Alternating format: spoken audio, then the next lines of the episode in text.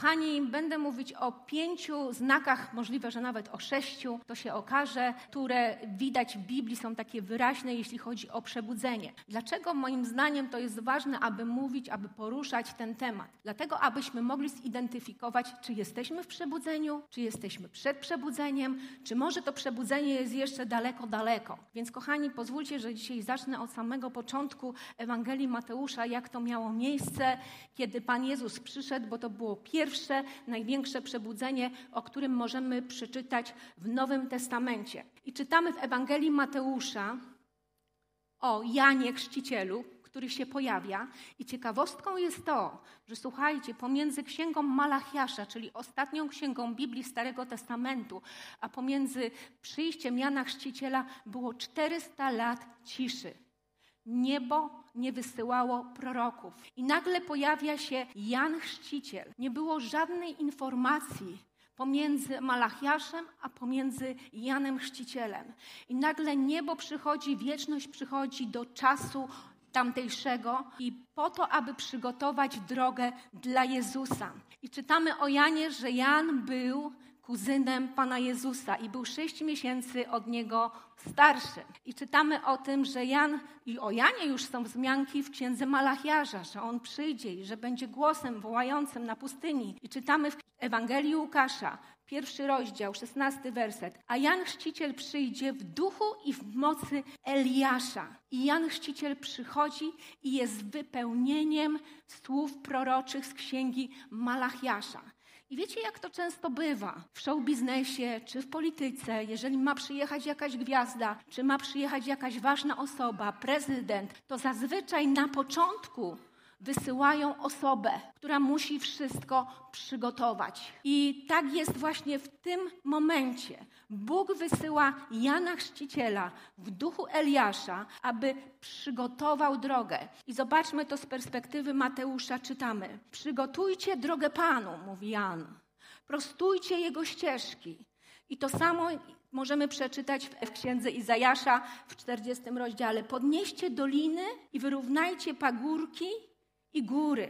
I to samo mówi Jan, prostujcie ścieżki. To jest coś takiego, jakby można było powiedzieć, Jan mówi, wyprostujcie wasze życie. Niech podniosą się doliny, niech obniżą się góry, niech będzie taki, wiecie, pas startowy, bo ten samolot, który przylatuje, on może krążyć w górze, ale żeby wylądował na ziemi, on potrzebuje równego podłoża, on potrzebuje płaskiej powierzchni, aby mógł wylądować. I innymi słowy, Jan mówi: przychodzi Bóg, Przychodzi Bóg w odpowiedzi na tą sytuację, w której jesteśmy. Przychodzi Bóg w odpowiedzi na ból, na problemy, na okoliczności, ale my potrzebujemy zrobić coś coś, co do nas należy. Potrzebujemy wyprostować nasze ścieżki. Niech podniosą się doliny, niech obniżą się góry. I to chcę powiedzieć, jest pierwszym znakiem przebudzenia nadchodzącego, że muszą być wyprostowane drogi. Ludzie potrzebują zajrzeć do swojego serca. I wiecie, bo ten samolot, który ląduje,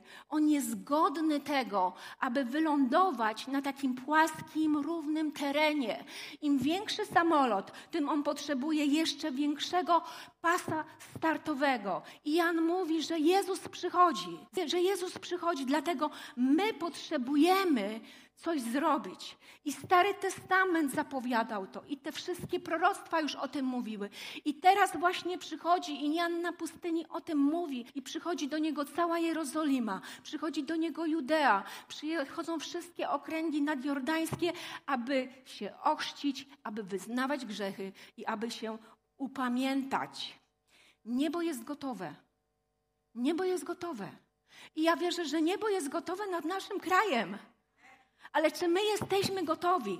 Kiedy popatrzymy na tamten moment w Ewangelii, gotowość polegała na tym, że oni przybliżyli się do Boga. Zbliżcie się do Boga, Jan wołał. Upamiętajcie się. To jest tak ważny aspekt, jeżeli chcemy, żeby przyszło przebudzenie Potrzebujemy przygotować odpowiednie warunki. Potrzebujemy wyprostować nasze ścieżki, wyprostować nasze myślenie. Potrzebujemy sprawdzić, skonfrontować nasze życie. I to jest taki znak przybudzenia, że ono przychodzi. I to jest moment, w którym pojawia się w kościołach bojaźń Boża. Bojaźń Boża, o której nie mówiło się przez ostatnie lata, ale przychodzi moment, którym Duch Święty będzie zwracał nam uwagę i będzie akcentować bojaźń Bożą. Jeżeli chcemy przebudzenia, jeżeli chcemy doświadczyć przebudzenia, to potrzebujemy wyprostować nasze drogi, potrzebujemy przygotować nasze serca. I teraz drugi znak przebudzenia to jest modlitwa. Amen? To jest modlitwa. Wiecie, modlitwa jest brzmieniem przebudzenia. Modlitwa jest znakiem przebudzenia, że ludzie chcą się modlić. Ludzie mają potrzebę modlitwy. I ostatnio, gdy spotkaliśmy się z naszym zespołem i opowiadaliśmy o tym, co widzimy, co Duch Święty wkłada w nasze serce odnośnie przyszłego roku, to pierwsza osoba, która zaczęła się tym dzielić, to powiedziała: Ja czuję, że to jest ważny element w przyszłym roku, to jest modlitwa i to jest dobry znak. I teraz, kiedy popatrzymy na przebudzenie w dziejach apostolskich, to zobaczymy, że wszystko się zaczęło od modlitwy. Wszystko się zaczęło od modlitwy, kiedy oni się zebrali w górnej izbie razem i zaczęli się modlić. Oni przygotowywali w tym momencie pas startowy na Ducha Świętego, który miał wylądować, a który Pan Bóg przygotował. Potrzebujemy stoczyć bój modlitewny. Biblia nam o tym mówi. Wiecie, my mamy zwycięstwo. To zwycięstwo już jest w tym świecie duchowym, ale my poprzez modlitwę ściągamy to do naszego życia, do życia miasta, do życia kościoła, do życia całego kraju. Dlatego modlitwa jest ważna. I ja dzisiaj apeluję, kościele, módlmy się, módlmy się, śmieje się Mariusz, bo tak ostatnio właśnie apelowaliśmy na naszej grupie, grupie przywódczej, tak nam to przypomina naszego marszałka Sejmu który też apeluje o, o, ciszę i porządek. W każdym razie, słuchajcie, modlitwa jest tak ważna. I wiecie, i żeby zrozumieć, jak ważna jest modlitwa, to to zrozumienie pomoże nam w tym, że będziemy się modlić skutecznie. Bo kiedy nie rozumiemy tego aspektu, czym jest modlitwa, to nasze modlitwy nie będą skuteczne. A to też się przełoży na to, że nie otrzymamy odpowiedzi. Zgodzisz się ze mną? Wiecie, zauważyłam, że my czasem jako chrześcijanie zaczynamy traktować modlitwę jak hymn narodowy przed meczem. Czyli to totalnie nie jest powiązane z meczem. Hymn narodowy. Trzeba go odśpiewać. Trzeba się pomodlić. Wchodzimy w taką rutynę modlitewną, jak przed obiadem, przed śniadaniem, że trzeba pobłogosławić. Ja nie mówię, że to jest złe, to jest wyraz wdzięczności, ale kiedy się modlimy przed obiadem, przed śniadaniem, przed jedzeniem, przed jakimkolwiek posiłkiem, to my wtedy nie modlimy się tak żarliwie, nie wkładamy w to całego naszego serca. No chyba, że jest taki jeden moment, kiedy się modlę żarliwie, kiedy mój mąż usmażył swoje grzyby, które nazbierał. Wtedy modlę się żarliwie, wtedy angażuję moją wiarę. Ale zazwyczaj to jest taka modlitwa, Panie Boże, pobłogosław. Taka modlitwa też wdzięczności. Też modlitwa mogła się stać jak koło ratunkowe w naszym życiu. Nie koło ratunkowe, tylko koło zapasowe, to miałam na myśli, w samochodzie, w naszym życiu.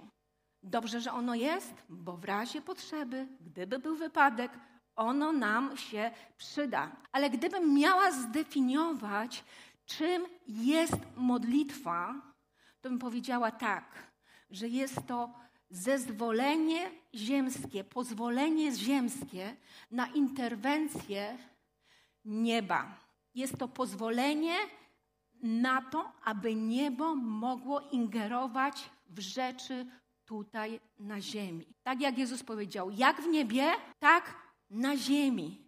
Jest to zgoda na to, aby to, co Bóg zaplanował, zaczęło się dziać na ziemi. I wiecie, Pan Bóg nie potrzebuje naszego pozwolenia, ale On to tak wszystko sobie zorganizował. Wszystkie, wszelkiego rodzaju prawa i zasady duchowe, które my nie do końca nawet rozumiemy, że pewne rzeczy, które On zaplanował, przychodzą tylko w odpowiedzi na modlitwę. A dlaczego tak się stało? Dlatego, że Bóg powierzył władanie pierwszym ludziom, Adamowi i Ewie, zarządzanie. On im powierzył zwierzchność na tej planecie. I dlatego On dołącza do tego, kiedy my Go o to prosimy. Kiedy my zaczynamy się modlić. Modlitwa nie zmusza Pana Boga, ale ona zaprasza Pana Boga do naszego życia. I Bóg chce, aby On był tym, którego my potrzebujemy. Aby On, aby on był tym, którego my pożądamy. I dlatego chcę, abyśmy się modlili. Wiecie, Pan Bóg wiele rzeczy zaplanował i On wiele rzeczy chce nam dać. Ale jeżeli Ty nie będziesz się modlić, to obawiam się, że wiele z tych rzeczy nie przyjdzie do Twojego życia. I przykładem takim świetnym jest Eliasz. Bóg powiedział mu, że nie będzie deszczu przez trzy lata. I zapowiedział, że po trzech latach będzie deszcz. Ale deszcz po trzech latach nie przyszedł. Pomimo tego, że Bóg zapowiedział to. Więc Eliasz zaczyna się modlić, zaczyna wzywać Boga, zaczyna zapraszać Pana Boga do tego problemu. Pomimo tego, że Pan Bóg obiecał, deszczu nie ma. I czytamy o tym, że Elias zaczął się, zaczął się modlić żarliwie, że on zaczął się modlić gorliwie. On miał taką pozycję jak kobiety izraelskie, kiedy rodzą. Przykucnął, schował swoją głowę między kolana i parł, ale tak naprawdę on ściągał, on chwytał, on chwytał tą obietnicę, którą Bóg mu dał. On rodził to dziecko. On rodził to dziecko, którym był deszcz. I to powtarzał siedem razy. Odnośnie tego, ile razy się modlić. Słuchajcie, nie mówię, że siedem, to jest dobra liczba, ale może czasem potrzebujemy więcej. Może czasem Twoja modlitwa potrzebuje być bardziej żarliwa. Może potrzebujesz się tak zaangażować jak kobieta w ciąży, bo to jest bardzo dobry przykład, jak kobieta w ciąży się angażuje. Hmm, mogłabym o tym dużo powiedzieć. Wiecie, my nie zmuszamy Pana Boga. My go prosimy o to, tak jak powiedział Jezus, aby to, co w niebie On zaplanował, to stało się na ziemi. Moja mama czasem mówi, ona teraz mnie słucha i pewnie drży, o czym powiem. Co będzie, to będzie. Wiecie, kiedy była chora i naprawdę była w ciężkim stanie, w czasie pandemii była w szpitalu, miała operację serca, miała 80 lat wtedy, to przed tą operacją mi mówi, co będzie, co ma być, to będzie. Ja mówię, mamo, nie tak. My będziemy się modlić o zdrowie i o to, żeby Bóg przedłużył ci życie i żebyś mogła być całkowicie zdrowa. Wiecie, moja mama po tej operacji wyszła ze szpitala, była bardzo słaba. Myśleliśmy, że już z nami zamieszka, że już będziemy się nią opiekować, ale my modliliśmy się.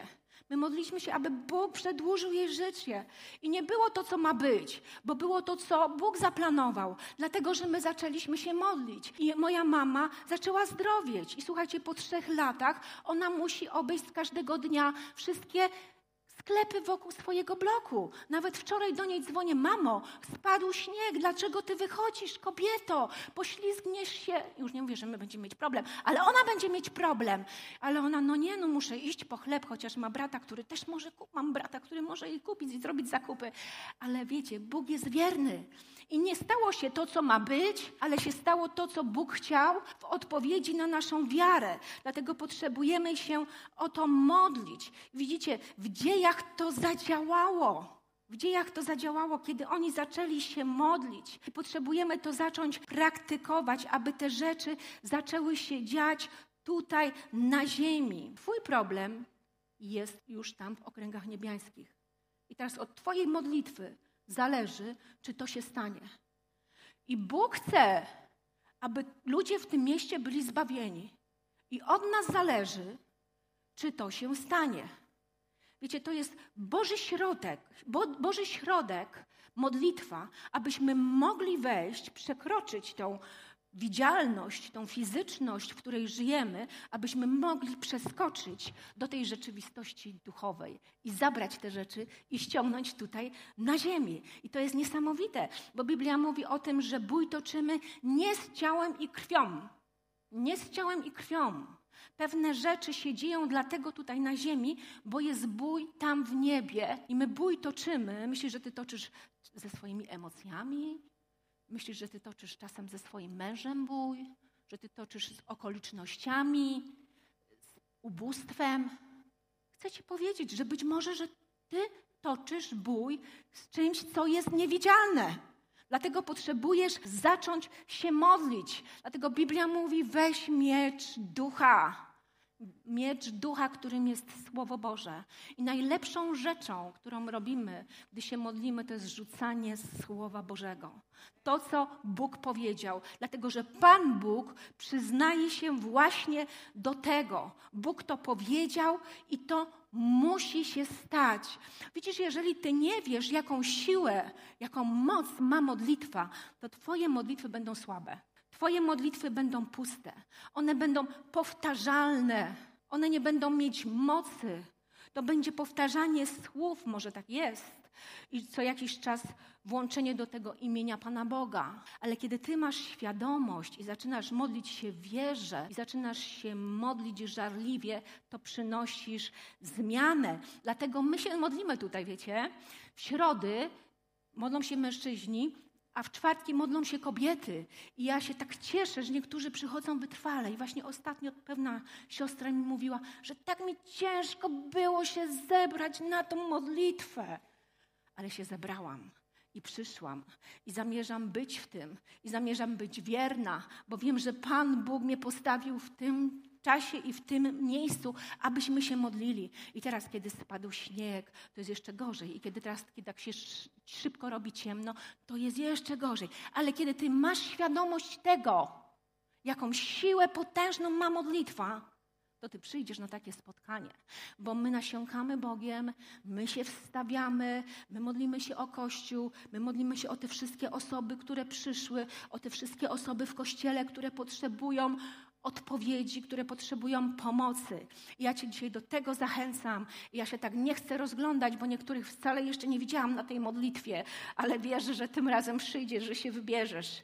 Halleluja. Widzisz, modlitwa jest czymś, co pozwala nam ściągnąć z tego świata duchowego rzeczy do tego świata fizycznego. Kochani, pamiętacie tą sytuację, kiedy modlił się Daniel? Bo on przeczytał w słowie, że to jest czas, aby Izrael wrócił do swojego domu. I on zaczął się modlić w oparciu o słowo. Zauważcie, że nic się nie wydarzało, pomimo tego, że Bóg to zapowiedział przez proroka Jeremiasza.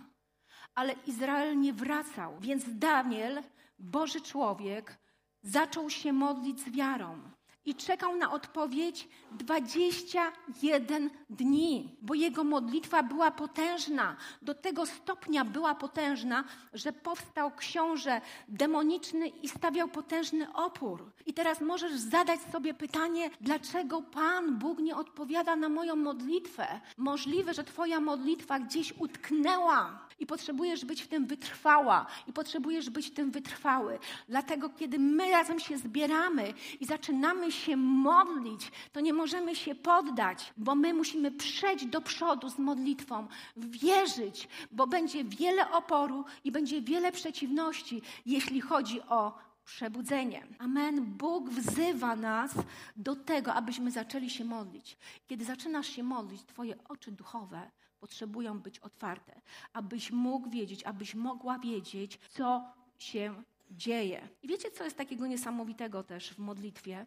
Kiedy zerknęłam na ten fragment z dzieł apostolskich, to tak wyskoczyło mi to słowo, że oni zebrali się razem na modlitwie. I można by powiedzieć o tej rzeczy, że to też jest kolejny element przebudzenia, ale dołączę to do modlitwy i do wszystkiego innego, jeśli chodzi o cokolwiek robimy, że jedność jest bardzo potrzebna. Gdzie dwóch albo trzej w moim imieniu się zbiorą, tam ja jestem i zaczną się modlić, bo jedność jest naszą siłą. Rozumiecie? I my, kiedy zaczynamy się modlić w jedności, to przychodzą zmiany. Dlatego modlitwa jest tak ważnym elementem, znakiem przebudzenia. I teraz kolejny znak przebudzenia to ogień. Ogień Ducha Świętego. Ogień przebudzenia. Przebudzenie zawsze ma ogień. I w dniu pięćdziesiątnicy, przeczytamy w dziejach apostolskich, powstał nagle z nieba szum, jakby wijącego gwałtownego wiatru i napełnił cały dom, gdzie siedzieli. I ukazały się im języki jakby z ognia, które się rozdzieliły. I usiadły na każdym z nich języki jakby z ognia. A Jan powiedział coś takiego. Jan Chrzciciel. Ja was chrzczę wodą ku upamiętaniu, ale ten, który po mnie idzie, jest mocniejszy niż ja.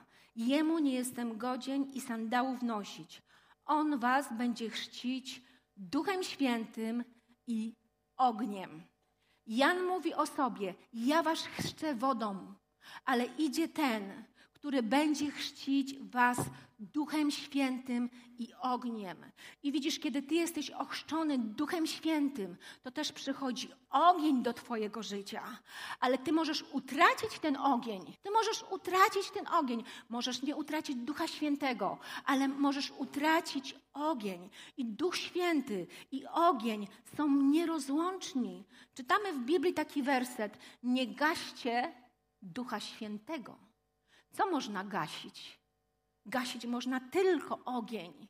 Czyli Duch Święty ma ogień. I ja czasem myślę, że my, wiecie, przeoczyliśmy, prze, przegapiliśmy, jak ważną rolę ma Duch Święty w przebudzeniu i w naszym życiu. Duch Święty ma potężną rolę, bo on przychodzi z ogniem do Twojego życia. I my już nauczyliśmy się nawet żyć jako chrześcijanie bez Ducha Świętego.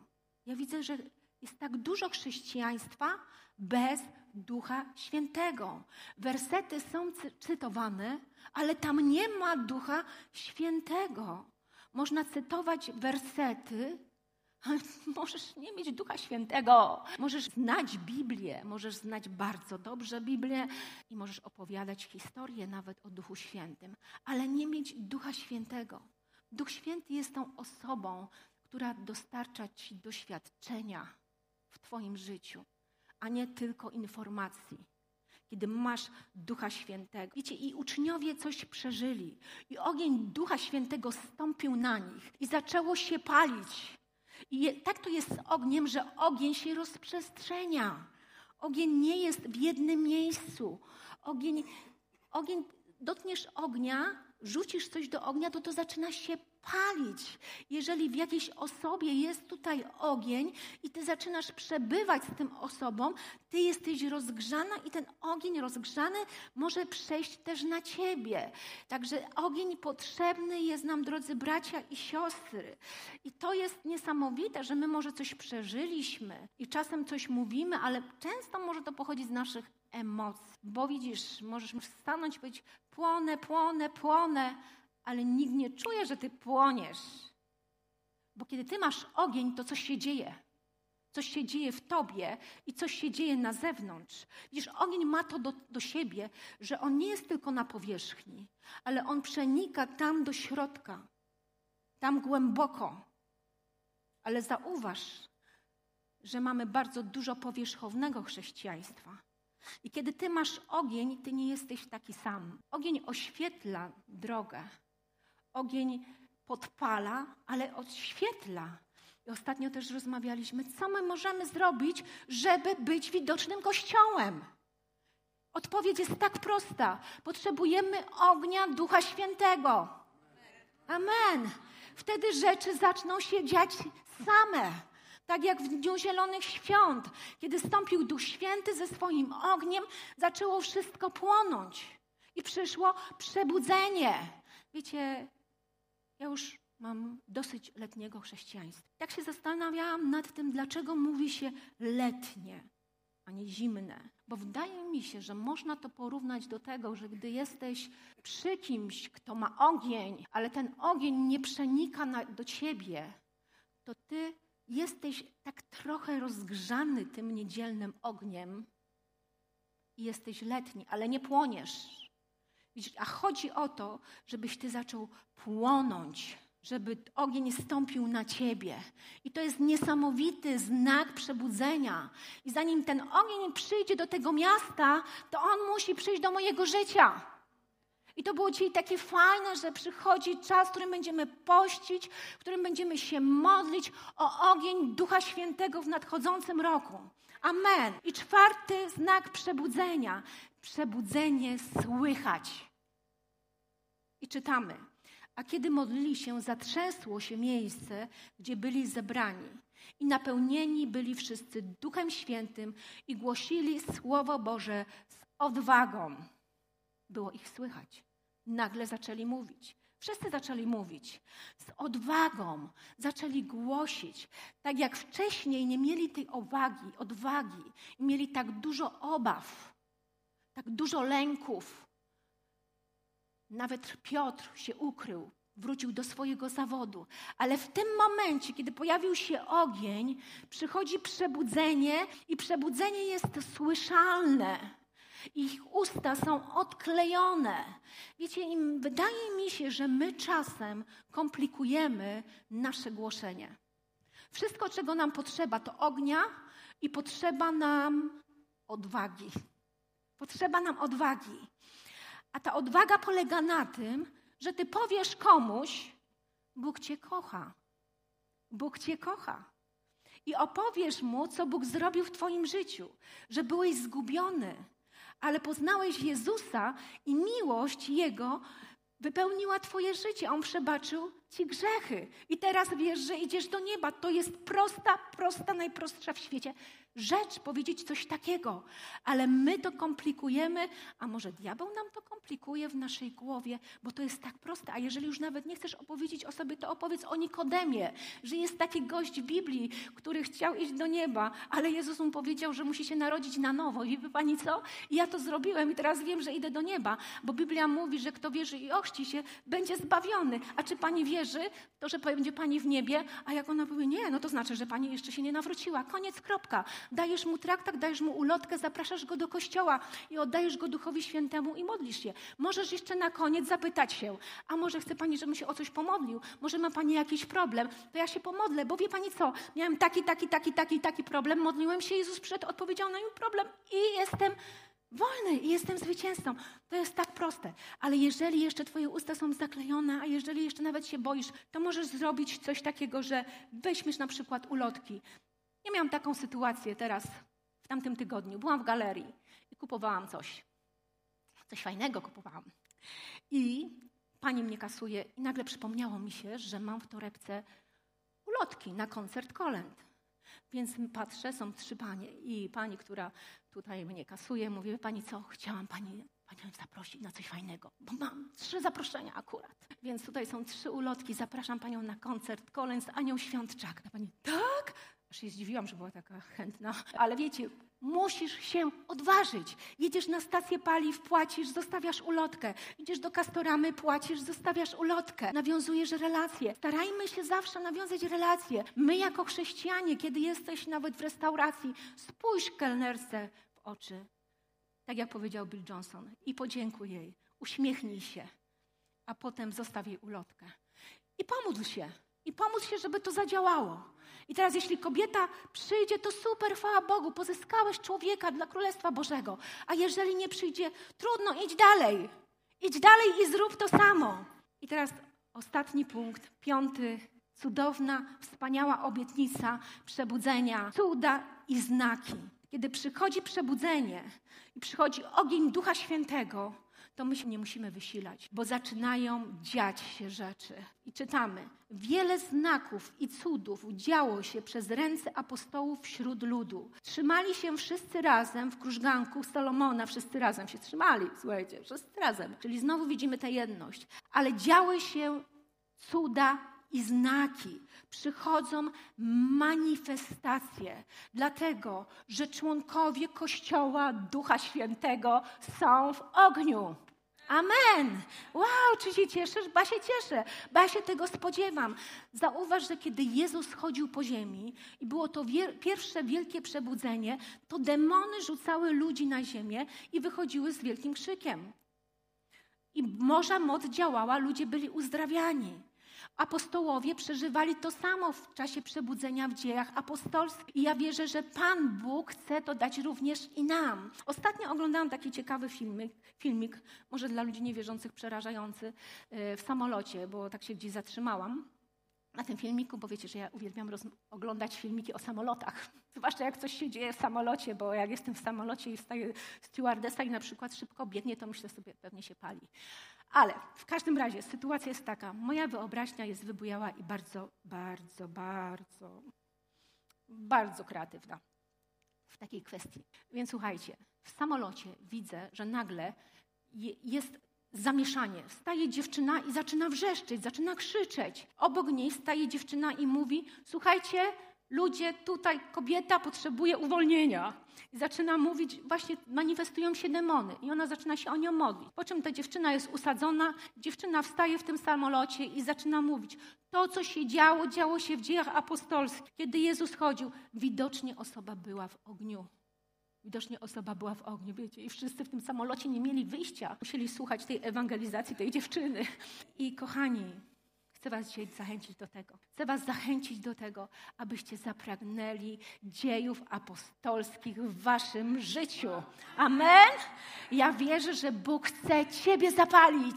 I Ciebie Bóg chce zapalić. I Ciebie, tam gdzie siedzisz w piżamie, teraz nas słuchasz. Bóg Ciebie chce tak samo zapalić. Ale wszystko to, co my potrzebujemy zrobić, to przygotować drogę dla Pana, który jest godny tego. Amen. Amen. I o to się pomodlimy. Wstańmy, kochani, i pomódlmy się i przynieśmy Panu samych siebie. I powiedz: Boże, przygotuj mnie. Przygotuj mnie na przebudzenie. Panie, przychodzę do Ciebie, powiedz, i chcę, abyś wyprostował moje życie, abyś wyprostował moje drogi, abyś wyprostował moje ścieżki. Ojcze, ja dzisiaj chcę Twojej bojaźni i niech to będzie ten moment modlitwy, w którym my przyjdziemy do Pana Boga. Ojcze, Ojcze, jesteśmy zmęczeni taką pobożną formą niedzielną uprawiania chrześcijaństwa w naszym życiu. Ojcze, modlę się, Panie, aby ogień Ducha Świętego wypełnił nasze życie. Modlę się, Panie, abyśmy mogli przyjść do Ciebie w pokucie, wyznawać nasze grzechy, wszystko to, co jest przeszkodą, wszystko to, co jest pagórkiem i doliną. W imieniu Jezusa niech zostanie zrównane. I modlę się, aby ogień Ducha Świętego przyszedł do Twojego życia. Modlę się o ogień, Panie, nad każdą osobą, która tego pragnie. Modlę się, Duchu Święty, abyś nas rozpalił. Dziękuję Ci, dziękuję Ci, że jest więcej.